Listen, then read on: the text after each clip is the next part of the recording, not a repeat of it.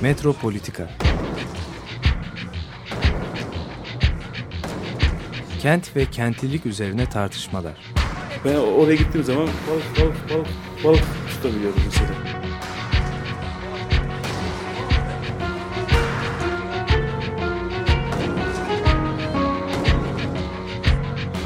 Hazırlayan ve sunanlar Aysim Türkmen ve Korhan Gümüş. Takusuyor ya. kolay kolay boşaltamadı. Yani elektrikçiler terk etmedi Perşembe Pazarı merkezini. Ee, geçtiğimiz haftalarda da İstanbul'da çok önemli gelişmeler oldu. Bir tanesi bunlardan 3. Havalanı projesi, projesi için alınan tekliflerdi.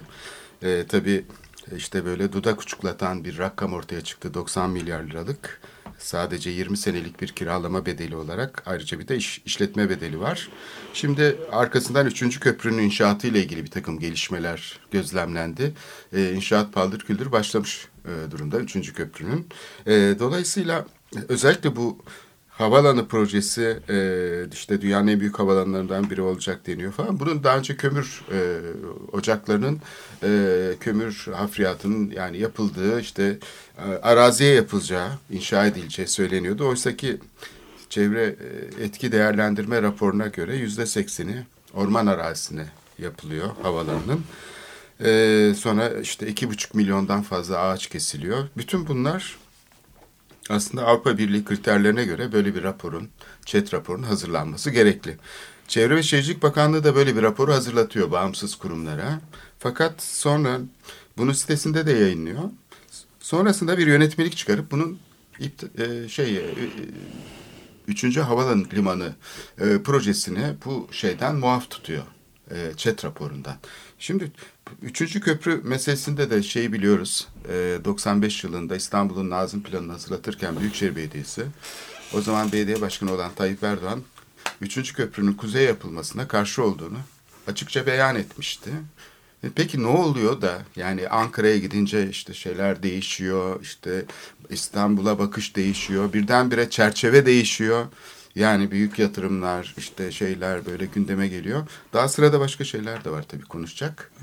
Ama bu değişimi de konuşalım diyorum ben bugün. Yani burada bu büyük yatırımlarla kent e, aslında ekonominin merkezi yani şu anda Türkiye ekonomisinin merkezi. Bir, muazzam bir e, şey var. Gelir e, transferi var. Yani sadece bir binadan böyle 10 milyar dolarlar falan söz konusu oluyor.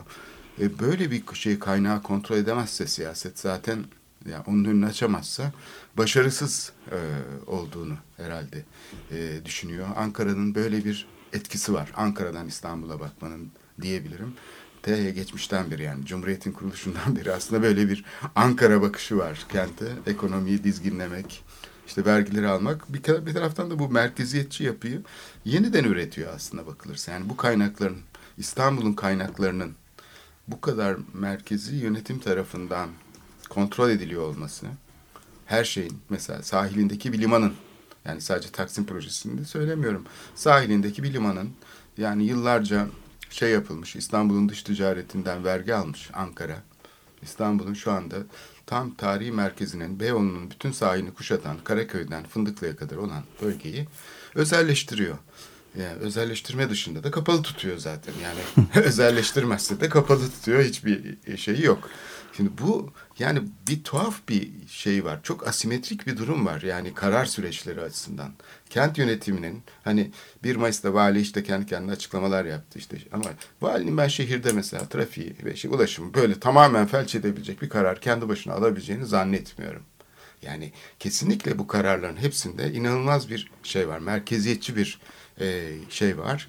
Ve İstanbul aslında bu açıdan tuhaf bir şey oluşturuyor. Yani karşı çıktığımızda da mesela bu projelere bir şey değiştiremiyoruz. E, ayrıca da işte hukuki şeyler, çevre e, etki e, değerlendirme raporu falan bunlar hep etrafından dönülen şeyler. Bugün e, istersen konuşurken bu şeyleri nasıl e, ele almak lazım? E, Aysim'in demin söylediği gibi farklı bir şey yapmak mümkün mü? Yani biz bunlara seyirci kalıyoruz gayet pragmatik bir şekilde birçok mimar arkadaşımız işte iş yapan insanlar falan e, ne yapabilirim ben bunu değiştiremem diyor. Yani madem ki değiştiremiyorum o zaman izlemekle yetinirim. Ben de işte kendi payıma düşeni yaparım. bazı arkadaşlarımız da buna isyan etmek gerekir. Bu o kadar e, şey değil, e, kabul edilebilir bir şey değil bu yapılanlar. İşte Sulukule'de yapılanlar, tarla başında falan bu üçüncü köprü ve şey. Ama İstanbul'da muhalefet de artık yoruldu. Yani yorulmadı mı? Muhalefet yani... Yorulamaz. yani o kadar güçlü ki. Yorulamaz. Öyle bir şansı yok olmaması Zihinsel lazım. olarak belki yorulmuş olabilir. yani fiziksel olarak olmasa bile enerjisini koruyor ama e, bu yani ne yapmalı sorusuna da bugün isterseniz bir cevap arayalım. Evet istersen ben böyle bir e, son son 15-20 yılda İstanbul'da olup bitenler konusunda böyle çok kısaca İstanbul'un tarihini anlatmaktansa yani dinleyicilerin bir fikir edinmelerini anlamak için, anlatmak için e, biraz anlat e, gözlerin önünde birazcık da tabii burada bir televizyon programı yapmıyoruz. ben de genellikle sunuş yaparken böyle e, saydamlar, slaytlar falan gösteriyorum. Bu sefer de ondan e, mahrum olacağım. Radyo programında slide gösteremeyeceğiz. Onun için gözlere değil de kulaklara hitap eden kafiyelerle konuşmak biraz zor. E, şimdi yani İstanbul nasıl bir şehir biraz ondan bahsedelim.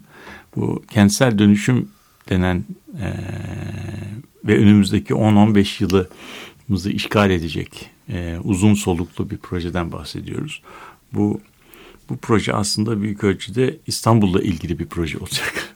Yani Anadolu'nun pek çok şehrinde bazı kentsel dönüşüm uygulamaları olacak ama yani o şehirlerden çok aslında bu kentsel dönüşümün filigranında, arka planında İstanbul var. Niye? Niye olduğunu e, şey yapalım. Yani önce Nedim'in böyle bir şiiri var. Hani İstanbul şehri ki işte birbirinden benzersizdir.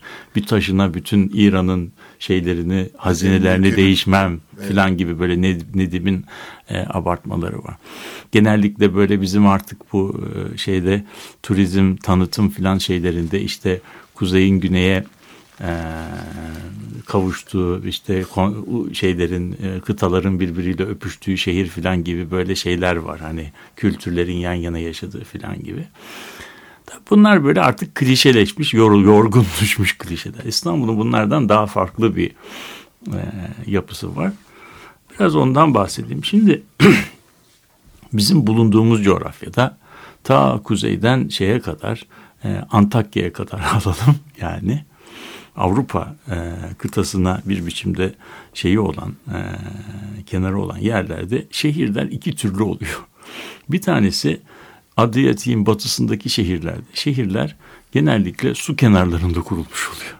İçinden bir nehir geçiyor. Ama nehirler genellikle dar ve şehirlerde düz ovada kurulmuş şehirler. Yani Berlin'e gittiğin zaman Berlin'in düzlüğü var. Paris düz bir şehir. Yani içinde bizim İstanbul kadar böyle dalgalı topografyası olan bir şehir yok. Şeye geçti, Adriyatik'in bu tarafına geçtiğimizde de şehirler genellikle bir dağın yamacına kurulmuş oluyorlar. Volos böyle, Selanik böyle, İzmir böyle, pek çok şey şehri böyle. Dağ yamacına e, Manisa böyle, Bursa böyle. Yani bizim coğrafyamızda Antakya böyle. Bu tesadüf bir şey değil. Çünkü bu Adriyatik'in bu tarafına geçildiği zaman iklim o kadar şey ki bize rahmetli mübeccanım şeydi nehirler üzerinde şey geçmiyor. Bir navigasyon yapılamıyor ve su rejimi, yağmur rejimi çok şey çok nasıl diyelim dengesiz. Oynak. Evet. Oynak.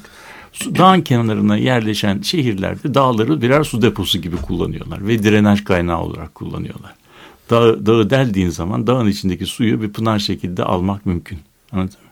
İstanbul bu iki modelin ikisine de uymuyor. Niye? Su kenarında kurulmuş ama ortasından geçen nehir biraz fazla geniş bir nehir. Bunun üzerine köprü kurmak için 2500 sene beklemek gerekmiş. Şey e, ve dağı da yok. Dağı olmadığı için de ömrü boyunca ömrü boyunca şeyden e, su sıkıntısı çekmiş.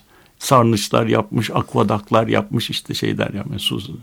Yani ne yardan vazgeçebiliyor ne serden vazgeçebiliyor. Sırtını dağlara verse boğazı bırakacak. Boğazı tuttuğu zaman da sudan uzaklaşmış oluyor. Şimdi bu şehir Osmanlı döneminin sonuna kadar bir şekilde büyümüş. Büyümüş ama bu büyüme 1 milyonu hiç geçmemiş. 20. yüzyılda İstanbul nüfusu 1 milyon, 1950'de nüfus gene 1 milyon. 1920'de 1 milyon olan nüfus bu bu yapıda büyüyor. Büyüdüğü zaman ortada bir tane nehir var. Nehir kenarlarında büyüyor. İki tarafta da doğu ve batıda da böyle bir şeyler var. Yani sonunda bir Mercedes arması gibi büyüyor böyle. Üç yönlü. Bu üç yönlü büyüme sürecinde şehrin merkezi denen yerde hep şey artıyor. Rant artıyor. Merkez kaymıyor hiçbir Kay, zaman. merkez hep aynı yerde kalıyor ve büyüme oldukça merkez daha da değerli hale geliyor. Onun için bir zamanların çevresi bir sonraki büyüme roundunun tam merkezi alanı haline geliyor. Kentsel dönüşümün arkasındaki motor bu. Anlatabiliyor muyum? Şimdi bu müthiş tabii köprülerin yapılması, bu iki tarafı birbirine bağlayan Marmaray gibi şeylerin yapılması bu şeyi, bu e, kentsel dönüşüm ihtiyacını müthiş arttırıyor. O kadar arttırıyor ki artık şehrin merkezi pastanın üzerindeki çilek gibi bir arzu nesnesine dönüşüyor. Şehir büyüdükçe şehrin ortasındaki artık eski gece kondu bölgeleri, vadiler, üzerine inş, bina yapılabilir her yer metropoliten ölçekte baktığın zaman büyük bir şey nesnesi oluyor. Arzu nesnesi haline geliyor. Tamam mı? Ve bunu koruyacak şey, bunu koruyacak e, tabii bunlar şimdiye kadar işte koruma kanunları, e, yasalar, yönetmelikler, e, işte e, kurullarla bu değerler korunmaya çalışıldı. Fakat bunlar bu, bu, bu değerler böyle şey bekleyen sonuçta her şehir büyüdükçe kontrolsüz büyüdükçe iki şey söyleyeceğim ondan sonra söyleyeceğim. Ee, şey e, bu artıyor yani rant baskısı artıyor. Arttıkça da arttıkça da yeni yani şehrin büyüme biçimini değiştiren, değiştirecek yapısal bir tahayyül, yapısal bir muhayyele geliştirilemediği için anlatabiliyor muyum? Bu üzerinde rant e, açığı, makası büyüyen yerler birer arzu nesnesine şey yapıyor. Ve onlar da beyaz atlı e, prensin gelmesini bekleyen uyuyan güzeller olarak bekliyorlar. Günün birinde, günün birinde ben hiçbir özel isim şey yapmadan bir beyaz atlı prens geliyor ve bu o rant baskısını olduğu yerden kurtarıyor. Yani diyor ki gevşetiyorum. Hadi bakın şimdi burada inşaat yap yapabilirsiniz denildiği andan itibaren eski gece kondu bölgelerinde böyle 60 katlı binaların yükseldiğini ondan sonra işte vadi içlerinde hiç olmadık yoğunlukların e, oluştuğunu filan görebiliyoruz. Anlatabiliyor? Ve bunlar gürültü patırtı etmeden hiç biz bunun farkına varmadan 1990 yılları içerisinde 92 bin yılında 2000 yıllardan sonra kendi kendine olmuş. Prever'in bir şair, şiiri var bu Le Feuille Mort yani uyu, sonbahar yaprakları şiirinde. O da der ki böyle yaşamda çok büyük değişiklikler gürültü patırtı etmeden olur. Yani bunlar olmuş. Yani gece kondu bölgeleri dönüşmüş, işte bilmem köprü yolların, o Boğaz Köprüsü'ne giden yolların etrafındaki sosyal yapı değişmiş, bütün bir şey. Bazı yerler ise Fikirtepe gibi, Karanfilköy gibi, işte tar Tarlabaşı gibi yerel koşullar nedeniyle bu dönüşümden nasibini alamamış. Nasibini alamadığı için artık buradaki çilek daha da cazip hale gelmiş vaziyette. Yani kentsel dönüşüm aslında bu kendi kendine olan dönüşüm sürecinde bir biçimde takılan yani sürecin takıldığı, dönüşemediği yerlerin tetiklediği, daha azgınlaştırdığı, coşturduğu bir şeyin, talebin dönüşmesi. Yani eğer siz İstanbul'un bir sosyal haritasına bakarsanız Fikirtepe'nin, Armutlu'nun, Tarlabaşı'nın, işte bilmem e, Okmel Paşa gibi yerlerin evet, evet. nasıl olup da neden oraların gündeme geldiğini okumak o kadar açık ki. Yani bunlar Asterix'in köyü gibi tamamen e, başka tür e, sosyal gruplar tarafından kuşatılmış bir çeşit e, enklevler, küçük e, adacıklar halinde görüyorlar ve bu tırnak içinde söylüyorum bu dengesizliğin bir an evvel çözülmesi gerekiyor. Yani kentsel dönüşüm biraz onu şey yapıyor. Bir de tabii, kamu arazileri de katalım. Tabii kamu arazi. Şimdi bu siz şehir bu, içinde ha, kalmış olan askeri ha, alanlar. Ha, şimdi onu onu anlatacağım. Şimdi bu sürecin içinde bunu desteklemek için diyeceksin ki yani böyle anlattın da hani bunun bir sayı hiç sayı vermedin. Sayı olarak size şöyle bir şey vereyim. 1990 bir tane pergel alalım elimize. E, pergelin ucunu Eminönü'ne koyalım ve ölçekli olarak 60 kilometrelik bir yarı çapta İstanbul'un etrafında böyle bir daire çizelim. Bu dairenin %50'den %60'dan fazlası denize gidiyor. Kuzeyde ve güneyde. Tamam mı? Fakat bu 60 e, kilometrelik yani o e, şey parçası, daire parçasının içinde 90 yılında 7 milyon kişi yaşarken bugün aynı daire parçasının içerisinde 14,5 milyon yaşıyor. Ulaşımla ilgili bir sorun var. E işte hayır ulaşımla ilgili bir sorun yok. Ulaşımla ilgili bu ulaşım sorununun ulaşım sorununun jeneratörü burada yatıyor zaten. Ulaşım ulaşım sorunu yok. ulaşım sorunu dediğimiz şey buradan çünkü nüfusu aynı bir çember içerisinde yolları iki katına, üç katına, beş katına çıkarmadan nüfusu iki katına çıkarırsan bu yani kendi ellerinle ulaşım sorunu yaratmak demektir. Bu İlhan Tekeli bu tür büyümeye azman sanayi kenti diyor. Yani azmanlaşma diyor. Bu azmanlaşma kavramı çok bunu gündemimize getirmeliyiz bu yeni dönemde. Ee, Türkçenin güzel bir şeyi var. Bu azman kelimesi. Biz Türkçe'de e, doğası, naturası gereği, doğası gereği büyük olan şeye azman demiyoruz.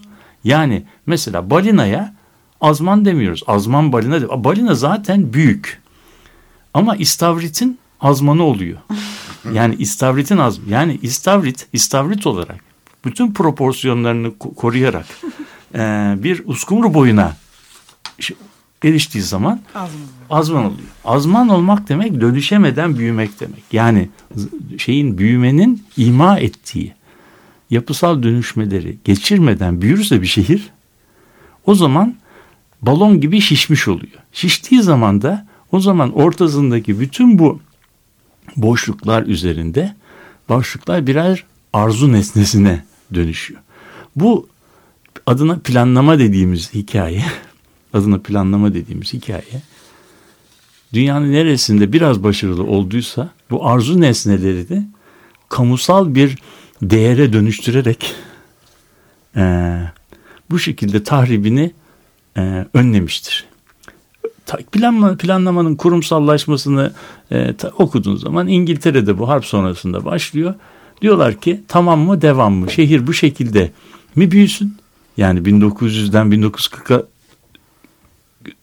olduğu kadar böyle büyü, mi büyüsün? Yoksa başka bir değişim. Ve onun üzerine diyorlar ki hayır bunu artık bu büyüme devam edilemez. Doğru yapıyorlar yanlış yapıyorlar ama o durum koşulunda diyorlar bir çember çeviriyorlar. Bu çemberin içerisindeki 40 millik alanda biz büyüme istemiyoruz. Yeni büyüme bu 40 milin ardında olacak. Keza aynı şey Paris'te var. Paris'in intramuros Paris kesinlikle ee, değişiklik olmuyor. Olmuyor. Çok yani. son zamanlarda bir iki tane böyle yüksek evet. yaptılar ama yüksek yani kentleşmeyi kentin dışına e, aldılar. La Défense'ı aldılar. Evet, şey, şey, şey, şimdi yani bunların içerisinde bunların içerisinde eğer kentin içerisindeki bütün boşlukları birer arzu nesnesi haline getirirsen e, boşluk kalmıyorsa o zaman e, meteoroloji istasyonları, parklar, efendim eski hastaneler, okullar e, şey haline geliyor. E, kim mesela Şişli Etfal ile ilgili böyle e, projeler var. Yani e, tarla başının tarla başının 700 metre e, yani batısında veya doğusunda dünyanın en yüksek rantları varken orada da en düşük rantlarının e, olması e, şey içerisinde yani kapitalist pazar e, arsa piyasası içerisinde düzeltilmesi gereken bir şey, bir risk. Yani bunu, bunu düzelt, bunu bu riski düzeltecek, bu farklılığı düzeltecek şeye Beyaz Atlı Prens de bunun yüksek bir şeyi e, ödülünü kazanacaktı. Nitekim de kazanıyor.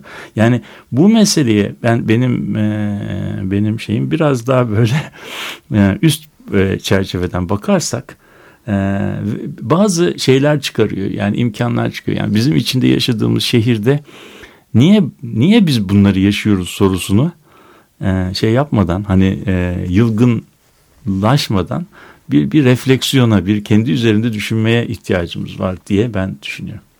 Ama işte belki de tam bu hani tarla başından mesela e, bahsederken hani böyle bir durum varsa hani bu kendiliğinden olduysa burada planlamayı çok daha iyi bir şekilde devreye sokarsak hani bütün bu hani kapitalizmin o vahşi çılgın haline terk etmeden o planlama dinamiklerini ortaya e, yola koyarsak oradaki hani bir hızlı değişim söz konusu olacak ama bu değişimi daha bir dengelemek mümkün değil mi planlamayla? Bunlar Şi- Şimdi bak e, o, o yani bu senin sorduğun soru e, 20. yüzyılın belki iktisat alanında en önemli sorularından bir tanesidir. Acaba teknik bir çözüm var mıdır bunun? Yani planlamayla iyi bir uzmanlıkla bunu böyle böyle olmaktan çıkarabilir miyiz? Bu, bu senin sorunun iki tane yanıtı var. Bunun bir teknik tarafı var. Ama bir de siyasi tarafı var. Yani bütün çözümler, teknik teknisyenin bulduğu bütün çözümler aslında bir öncelikler sistemini varsayar, ima eder. Öncelikler sistemi olmadan bir teknik çözüme şey yapılamaz, erişilemez. Şimdi eğer toplum örgütlenip alternatif bir öncelikler sistemi geliştirmiyorsa anlatabiliyor muyum? Yani biz bazı şeylerin bazı şeylerin yapılmaması karşısında bazı şeylerden vazgeçmeyi e, göze almıyorsak o zaman bu da bir çözümdür. Bu da bir tercihtir ve bu tercihte de arsa piyasası bildiği gibi çalışır. Anlatabiliyor muyum? O zaman şey problem e, problem de senin gördüğün kentsel dönüşüm bir bu durumda bir e, şeyin yani ima edilen dolaylı dolayımlı bir toplumsal tercihin veya tercihsizliğin veya suskunluğun sonucu. Yani sonunda arsa piyasası bu benim anlattığım manada benim işaret ettiğim rantları bir biçimde potansiyel rantları gerçek ranta çeviriyor. Çevirdiği zaman da bunun e, sonuçları e, geri dönülmez oluyor. Yerel e, değerleri tahrip ediyor ama açıklanabilir oluyor. Seni burada çok güzel getirdiğim bir şey var, yorum var. Diyorsun ki bir dönemin çözümleri bir dönemin sorunlarını oluşturuyor. Evet. Çünkü piyasa aktörlerine bırakıldığı için mesela bu bütün İstanbul'un apartmanlaşma süreci, nüfus artışı şeyinde bir çözümdü. Bu yapsatçı model. Evet. Sermaye birikimi olmadan, teknolojik gelişme olmadan konut stoğu yenilendi İstanbul'da. İşte onun üstüne de işte deniz kumuyla yapıldı. Kötü hurda demirler kullanıldı. Onlar geri kazanılarak eski gemi şeyleri saçlarından yapılan Perşembe pazarında satılan demirler işte. Bunların hepsi o dönem kara borsadaydı çünkü demir o inşaat piyasası içinde. Ee, şeyler öyleydi. Ee, iç donanımı, mutfakları, binaların yani çoğu böyle paldır küldür. Müteahhitlerin becerisiyle, iş gücüyle onun etrafında işte mevsimlik işçiler çalıştılar. Bunların bir kısmı kapıcı oldu sonra o çavuşlar, apartman çavuşları falan. Biz bunları gözlerimizle gördük. Şimdi bugün bu dönüşüm e, işte güvenli değil. Dolayısıyla bu yapıların yıkılması lazım, tekrar dönüşmesi lazım deniyor ama bu şeyin içinde mesela bu sözünü ettiğimiz rant baskısı içinde bu dönüşümün şeyleri aslında tam da temsil gücü zayıf olan içeride kalmış şeyler, dönüşmemiş alanlar. Dönüşmüş alanlar üzerindeki şeyler, tasavvurlar ancak Marmaray sonrası belki olabilir. Şu anda henüz daha işte Bağdat Caddesi, işte yok Fenerbahçe, Dalyan falan oralara mesela kimse gitmiyor. Üst Bostancı'da yapılmış o kadar çok katlı binalar var. Kötü betonarme binalar. Bunlara kimse henüz daha bir laf etmiyor. Ama Ok Meydanı'ndaki iki katlı binayı yıkmak istiyorlar. Sağlam olduğunu belki tahmin edebiliriz o binaların ama işte Hacı Üsrev mesela şimdi e, afet alanı ilan edildi. Yani Hacı Üsrev'deki işte üç katlı, iki katlı yapılar da var. Şimdi burada şunu söyleyebilir miyiz? Aslında burada gelişmenin daha iyi olmasını, demin Aysim'in söylediği gibi, daha e, şey olmasını sağlayacak bütün e, şeylerde kabul edilen bir prensip var. Yatırımcıyla bu işe giriştiğin anda onun mantığına mahkum oluyorsun. Ve burada bu siyasi talebi örgütleyecek olan siyaset çünkü şeylerle yapılır. E, niyetlerle değil sadece siyaset aynı zamanda bir kamusal müdahale biçimini anlatarak yapılır. Türkiye'de özellikle bu kasabanın sırrı gibi.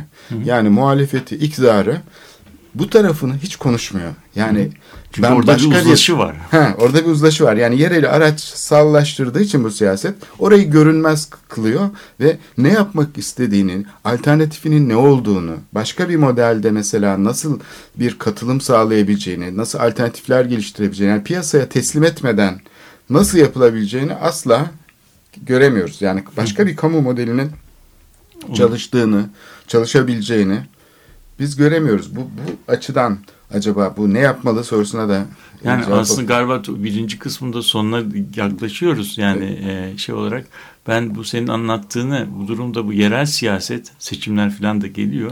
Evet. Yani sonunda e, Sezen Aksu'nun o güzel e, şarkısındaki onu alma beni al şeyine dönüyor. Yani o ona ona doğru gidiyor. Yani sonunda biz yerel siyasette yerel ilkeleri, yerel hedefleri, yerel değerleri konuşmuyoruz. Yerel iktidarı konuşuyoruz. Yerel iktidarı kim e, şey ama o iktidara talip olan insan bir e, değerler sistemi üzerinden konuşmuyor, projeler üzerinden konuşuyor. Yani projelerini anlatıyor. O da diyor ki ben buraya bilmem ne yapacağım bunlar. Yani her proje evet bir değerler sistemi ima ediyor ama İstanbul ölçeğindeki bir e, metropolde proje üzerinden anlatmamak lazım.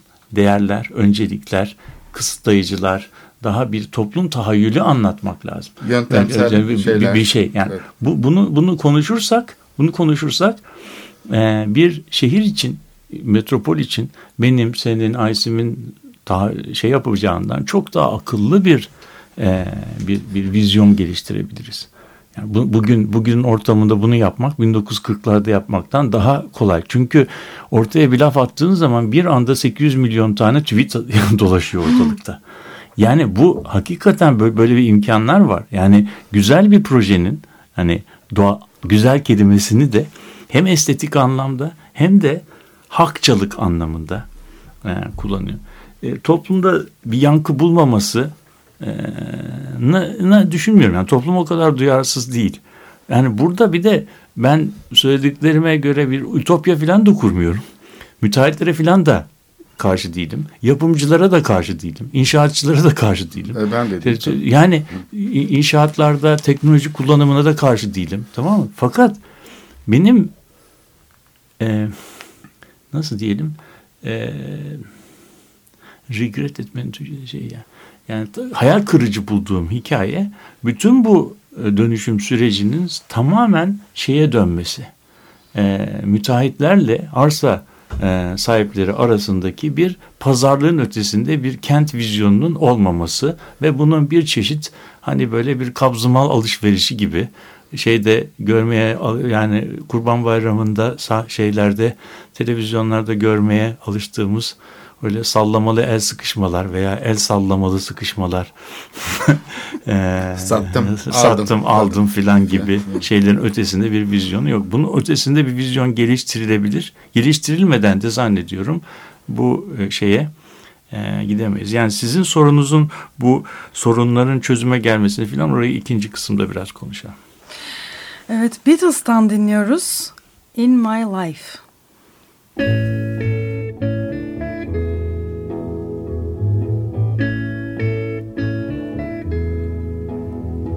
There are places I remember all my life, though some have changed, some forever, not for better.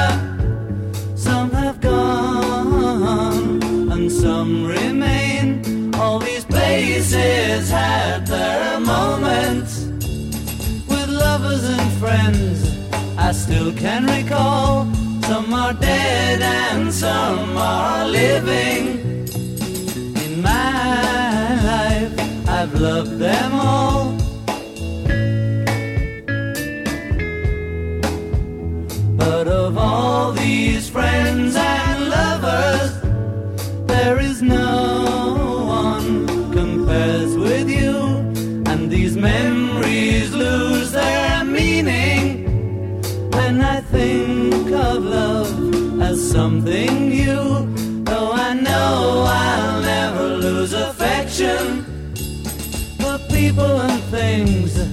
that went before.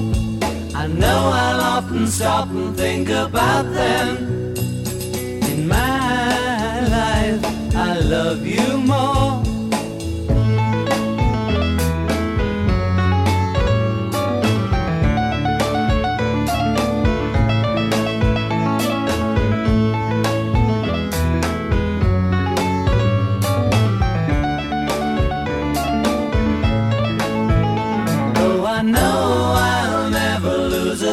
Affection for people and things that went before. I know I'll often stop and think about them. In my life, I love you more.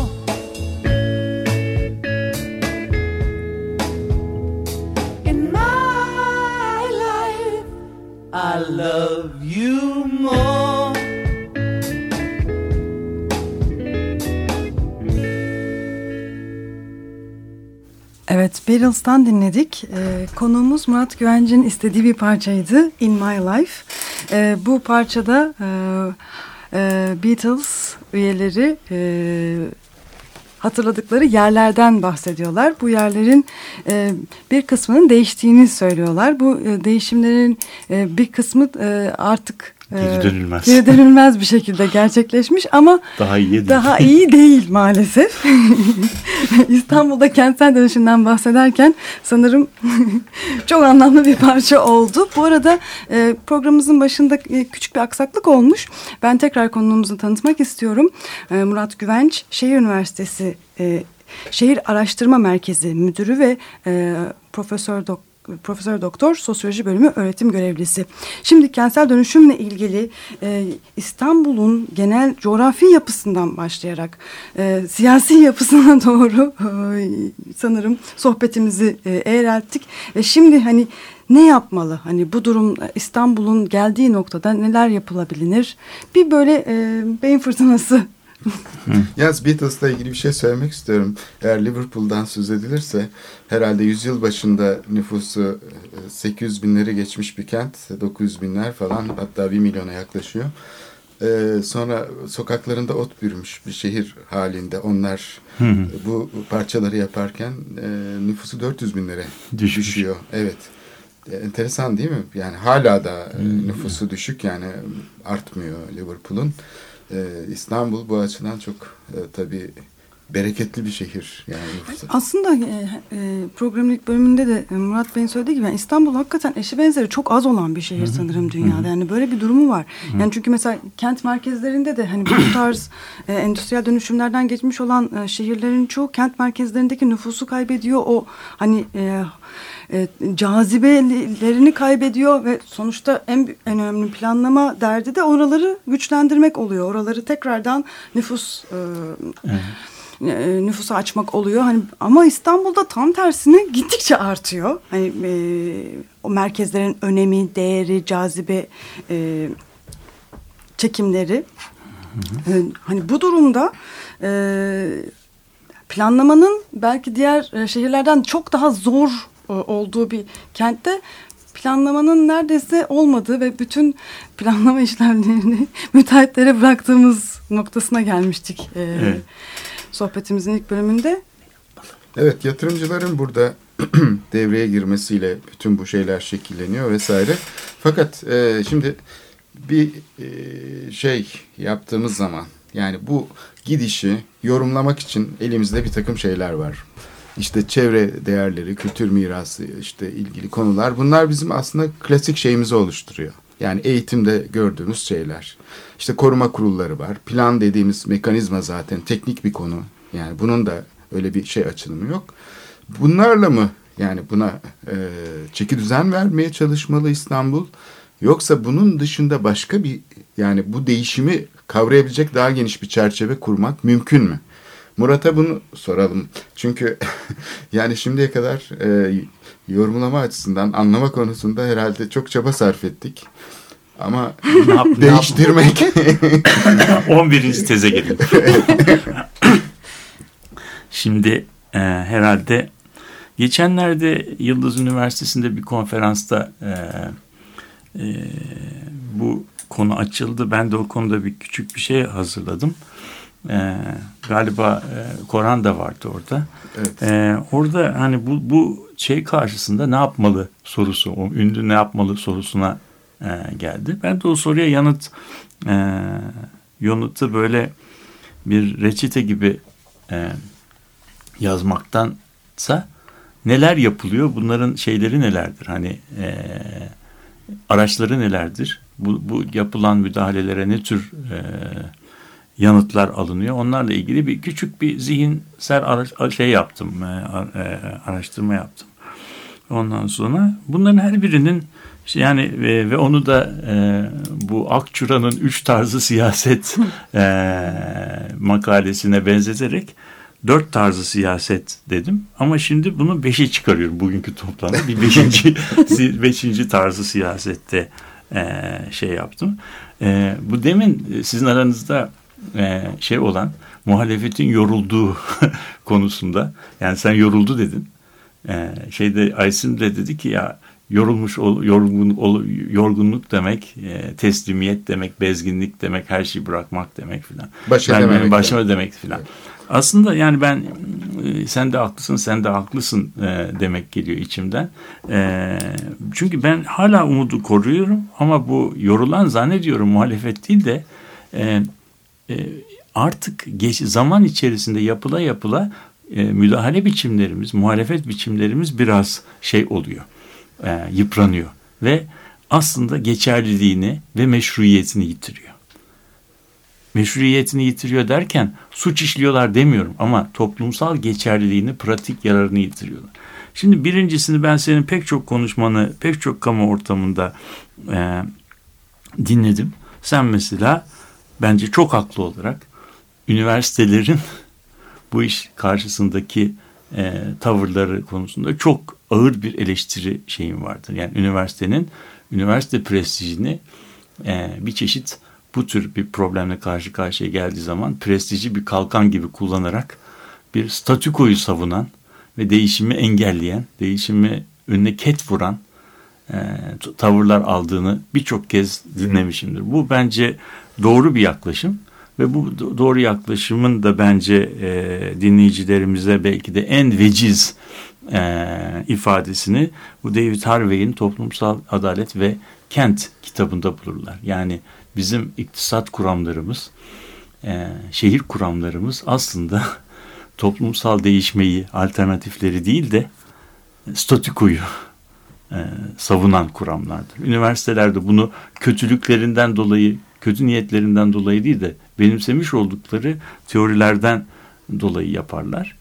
Ve bu, bu üniversitede yerleşik, established, ana akım bilim yapma biçimi alternatif üretme konusunda fazla yol göstermezken bazı soruların sorulmasını, bazı soruların da gündeme hiç gelmemesini sağlar. O yüzden de e, yani teknik başarı, performans öne çıkarken adalet, estetik pek çok şeyde e, güme gider. Hak, hakçalık. Bunun örneklerini sen Taksim olayında pek çok kez anlattın. Ve bunun içerisinde Taksim'de bugün olanlar varsa bizim, bizim üniversiteler olarak da bunun içerisinde bir payımız var. İkinci tarzı siyaset, ikinci tarzı siyaset bu 1974'lerden yani Türkiye'de 1960'lardan sonra modernite sürecinde e, toplumsal açıdan geçerli bilim yapalım, geçerli uygulama yapalım. Uygulamaya yön gösterici çözümler getirme şeyi. Buna e, bu mesela Türkiye'nin ithal ikameci şeye çıkması, e, sisteme geçmesi, gece kondulu, gece kondu, dolmuş, apartman gibi böyle nasıl diyelim 5-10 senede Türkiye'yi kurtaran, hafifleten, problemi öteleyen çözümler bulması. Bu bir çeşit yerel çözümler, yeni belediyecilik anlayışı bunlardan bunlarla dolu. Yani yolun ortasına direkt dikip otobüsü ayrı şeritten yürütüp anlatabildim mi? Yani toplumu değiştiremiyorsak otobüsü hızlandıracak bir e, sistem getirmek. Yani ki bu metrobüsün ilk uygulamaları biliyorsun çok eskilerden yapıldı. Bunlar tabii bunlar ilk yaklaşıma göre biraz daha e, toplumsal duyarlılığı var. İşlevsel. Evet. İşlevsel. Fakat bunlar geçici çözümler. Bunları bunlar üzerinde bir toplum kurulamaz. Bunlar yani sadece aspirinle bir hastalığı iyileştiremez. Yani bu aspirin, aspirin müptelalığı yaratır. bu geçerken söyleyeyim bu tiryaki kelimesi bir ilaçtan geliyormuş. İtalya'dan e, İtalya'dan ithal edilen teriyak diye bir ilaç varmış. İçinde afyon varmış. Nane şekeriyle karışık. Bu teriyak ilacına bizim Osmanlılar şey yapmışlar. Müptela olmuşlar. Teriyaki kav yani teriyak küyle yazılan bir ilaç ilacın alındığı bir kahveler. Yani afyon içilen bir şeyler. Tiryaki kelimesi de oradan geliyor. Yani bu relevancy e, revol, revol, relevancy uygulamasını fazla şey yapmamak lazım. Yani fazla bunu abartmamak lazım. Geçici olduğunu kabul ederek bu ilk soluklandığımızda bunun alternatiflerini bulmak. Yoksa bunu kurumsallaştırmamak lazım. Buna örnek olarak mesela Apartmanlaşmayı verebiliriz. apart- yani müteahhit apart şey yapar. yapsa. O dönemde bunun bir alternatifi yoktu. Yani 1958 yılının Türkiye'sini düşündüğünüz zaman gece kondununda, dolmuşunda, işte müteahhit apartmanının da bir alternatifi yoktu. Ben bunu e, derslerimde konuşurken o çok hazin Sophie's, Sophie'nin seçimi filmindeki e, şeye benzetiyorum. Yani o dönemde hakikaten Türkiye'nin iktisadi durumunu biliyorsan doların bir gecede 2 lira 80 kuruştan 9 lira 15 kuruşa çıktığı bir toplumda e, elindeki paralarla sen kentsel yatırım bir modernizasyon projesi yürütemezdin ve bizim modernizasyon projemizde başka türlü bir proje olmuştur. Yani bu şeyde. Şimdi üçüncü tarzı siyaset dediğimiz şey bir çeşit sağlamcılık diyebileceğimiz sağlamcılık. Modernite sürecinde Türkiye şehirlerinin 150 yıllık bir modernleşme süreci var. Bu süre içinde uzun bir deneyimdir. Çok in, il, ilginç kurallar, kanunlar, yönetmelikler gelişmiştir. Kurumsallaşmalar olmuştur ve bu kurumsallaşmalıklara, bu kurumsal engellere, yasal imkanlara referansla barışçı, yasal bir müdahale platformları kurulabilir ve kurulmalıdır. Bunun kurulmasında da hiçbir e, yanlış yoktur. Bu da bir taraftan yanlış olmadığı gibi bu da zaten yurttaşların kullanmaları gereken bir hak ve görevleridir de yani.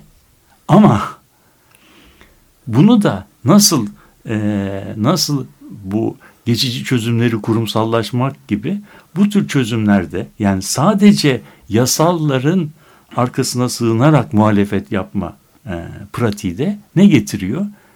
Bu pratik içerisinde bu yasal çerçevelere muhatap olan bir karşı taraf var. Karşı tarafta tabii kendi bu deneyim üzerinde düşünen, bunun üzerinden sonuçlar çıkaran ve kendisine ayak bağı olan yasaları, yönetim, yönet, yönetmelik maddelerini gevşetme, kenarından dolaşma, şey kılma, geçersiz kılma e, gibi e, prosedürler e, yaratması, icat etmesi gerektiği konusunda kendi kendini e, e, şey yapıyor. Zaman içerisinde yasal sağlamcı müdahale diyelim. Bunun aktörlerinin kimler olduğunu hepimiz ima ediyoruz ama ben şimdi burada polemik yaratmak istemiyorum. Bu müdahale biçimini reddetmiyorum. Fakat bu müdahale biçiminin uzun vadede uzun vadede başka projelerle, başka buluşçu ve pozitif müdahalelerle, alternatiflerle desteklenmediği takdirde tam kendi ima ettiğinin zıttını e, yarattığını düşünüyorum. Yani sonuçta eğer kabul ediliyorsa kardeşim siz yasa yasaya mı şey yapıyorsunuz? E, Plan mı pilav mı? Hayır siz yasaya mı? siz bütün aksiyonunuzu yasaya mı? Yasa üzerine mi inşa ediyorsunuz? Peki Yasaları kim yapıyor? Biz yapıyoruz. O zaman yasa ben yasayı değiştirirsem, yönetmeliği değiştirirsem senin İspanya'daki şatonu kurduğun halıyı şatonun altından çekmiş olurum. Senin yasanı elinden alırım. O zaman bu bizim kamu alanında minareden at beni, in aşağı tut beni dediğimiz politika oluyor. Yasa, eski yasayı fiilen geçersiz kılan yeni bir yasa çıkıyor ve bu çıktığı zaman da eski yasa üzerine kurulan büyük müdahale ve platformları bir anda e, çöküyor. çöküyor. E, Dördüncü şeye gel. Dörde geçmeden önce acaba şurada şöyle bir nefes tabii, alsak. Tabii. Şimdi birinci de söylemiş olduğun aslında e, kamu adına konuşmak, kamu yararını temsil etme misyonu. Entelektüelin, işte şeyin, bürokratın, devlet e, aklını temsil etme şey bu aslında bir tür e, şey içinde, iktidar içinde yer alıyordu. İktidar söylemin içindeydi.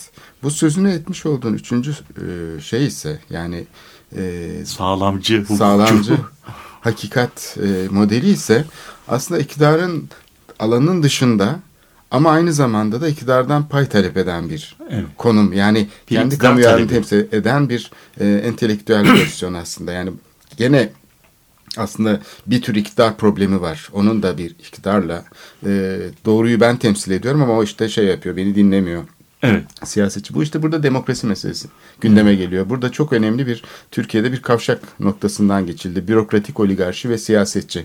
Yani bu, burada muktedir olan aslında demokrasinin kendi kararlarının e, uygulanmasından ibaret olduğunu savunuyor. Kuvvetler ayrılığı falan o neymiş demeye başlıyor. Öbür tarafta ise işte doğruyu temsil ediyorum ben. Ama bunu siyasetçi dinlemiyor. Halk da zaten anlamıyor.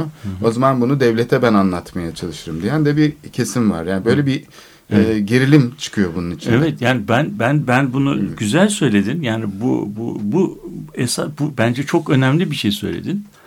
Ee, bu iki bu ikinci yaklaşım ben doğruyu temsil ediyorum.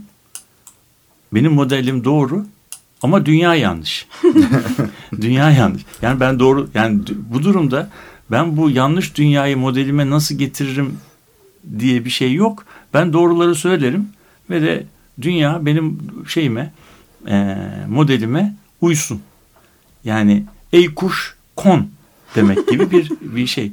Dünya maalesef bizim şeylerimize e, modellerimize e, uyma konusunda o kadar heveskar olmayabiliyor. olmayabiliyor. Bu, bu noktada bu noktada tarih yazan böyle tarih yazarsan bu tarih 1950'den 2015 yılına kadar tarih tamamen bir boz- bozgunlar tarihi olarak yazılması lazım. Evet. Bu noktada hiçbir başarı yok. Bu toplumda hiçbir başarı yok. Hep hep hep yanlış oluyor. Şimdi Hatta bu- yaşamamış gibi. Yaşa- yani, yani gece kondu da yani o zaman- o, o çarpık zaman- bu bozuk He, hepsi ha, yanlış. Ha, o zaman yaşama, Tarih dışı. Ya, ya, o zaman bu doğruları söyleyen insanlar ta- yaşamın dışındalar.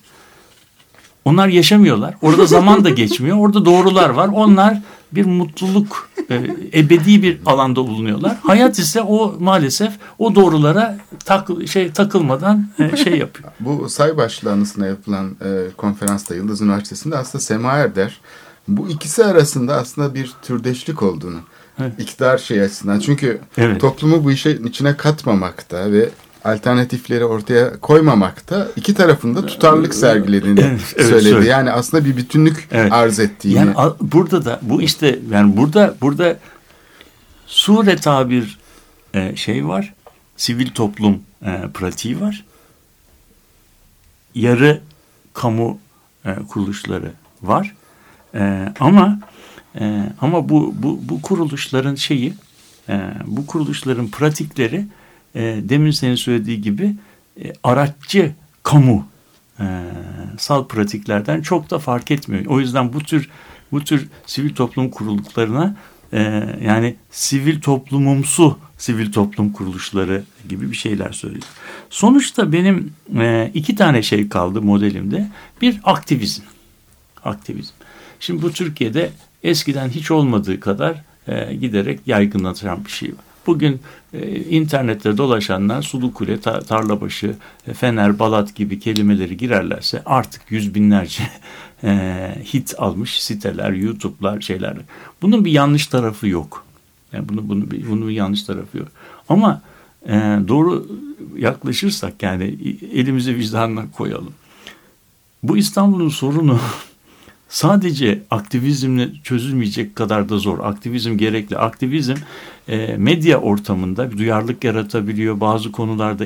Ama aktivizmden de çözemeyeceği e, problemi beklememek lazım. Nasıl ki hani geçici E- geçici çö- geç- geçici çözümleri kurumsallaştırmak bir çözüm değil, e, bir çözüm olmuyorsa aktivizmin kendisini de yapısal çözüme dönüştürmek.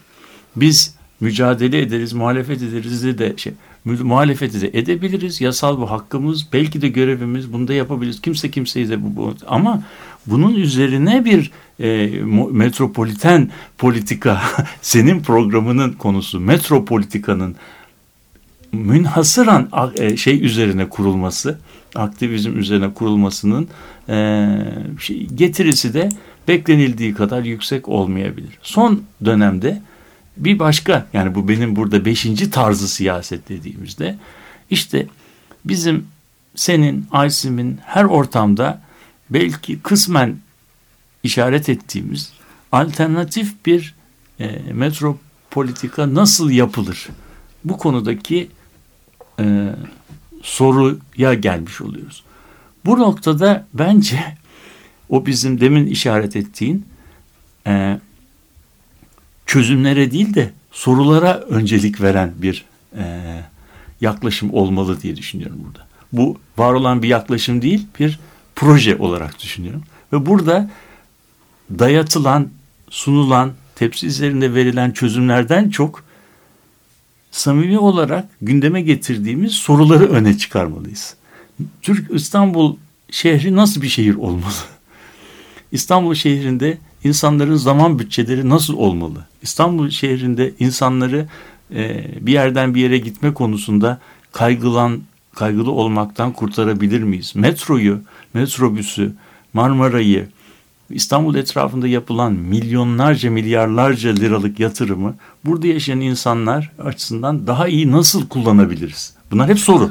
Evet. Yani soru. Met, met, met, kurgularken ha, sor, sormak sor, gerekiyor. Evet, İnşaat evet, aşamasında tepki evet, göstermek evet, sor, değil. Yani çözümü Hı. çözümü takdim edip buyurun beyler ne diyorsunuz diye katılıma girmekten çok ya ben dün akşam düşünüyordum şöyle bir şey yaptık bu konuyu bir düşünsek ne, ne olur diye düşünmek çözüme değil soruya öncelik veren demokratik bir e, metropolitika e, başlatabilir miyiz? Eğer bunu başlatabilirsek o zaman o zaman e, şeyler e, yerel siyaset projeler üzerinden değil değerler, kısıtlayıcılar, anlatılar, öyküler, daha iyi bir toplum tahayyülleri üzerinden olur diye umuyorum.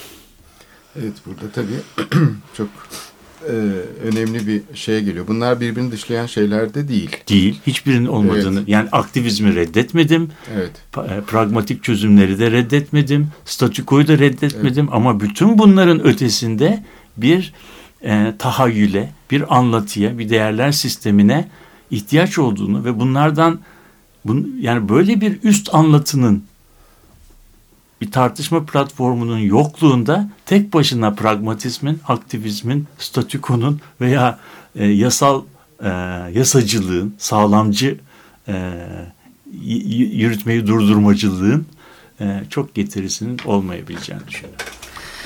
Ee, beş tarzı siyaset.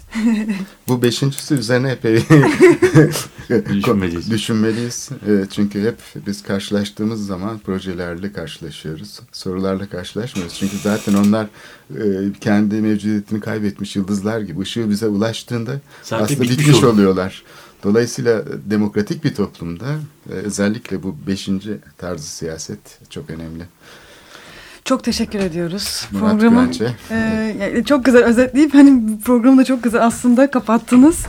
E, tekrar tekrar sizi bekliyoruz programlarımıza. Belki bu siyasetler üzerine daha e, derin konuşmak, düşünmek, e, yol sorular sormak ve oradan projelere umarım ulaşmak açısından. İyi haftalar diliyoruz. Hoşçakalın.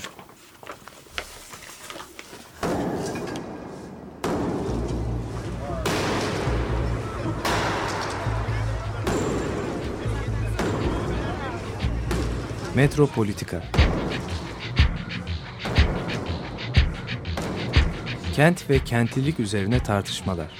Ben oraya gittiğim zaman balık balık balık balık tutabiliyordum mesela.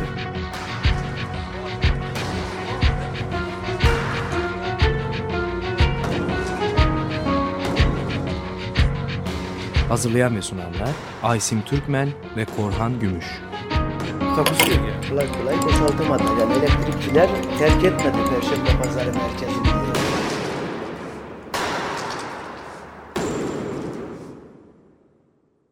Açık Radyo program destekçisi olun Bir veya daha fazla programa destek olmak için 212 alan koduyla 343 41 41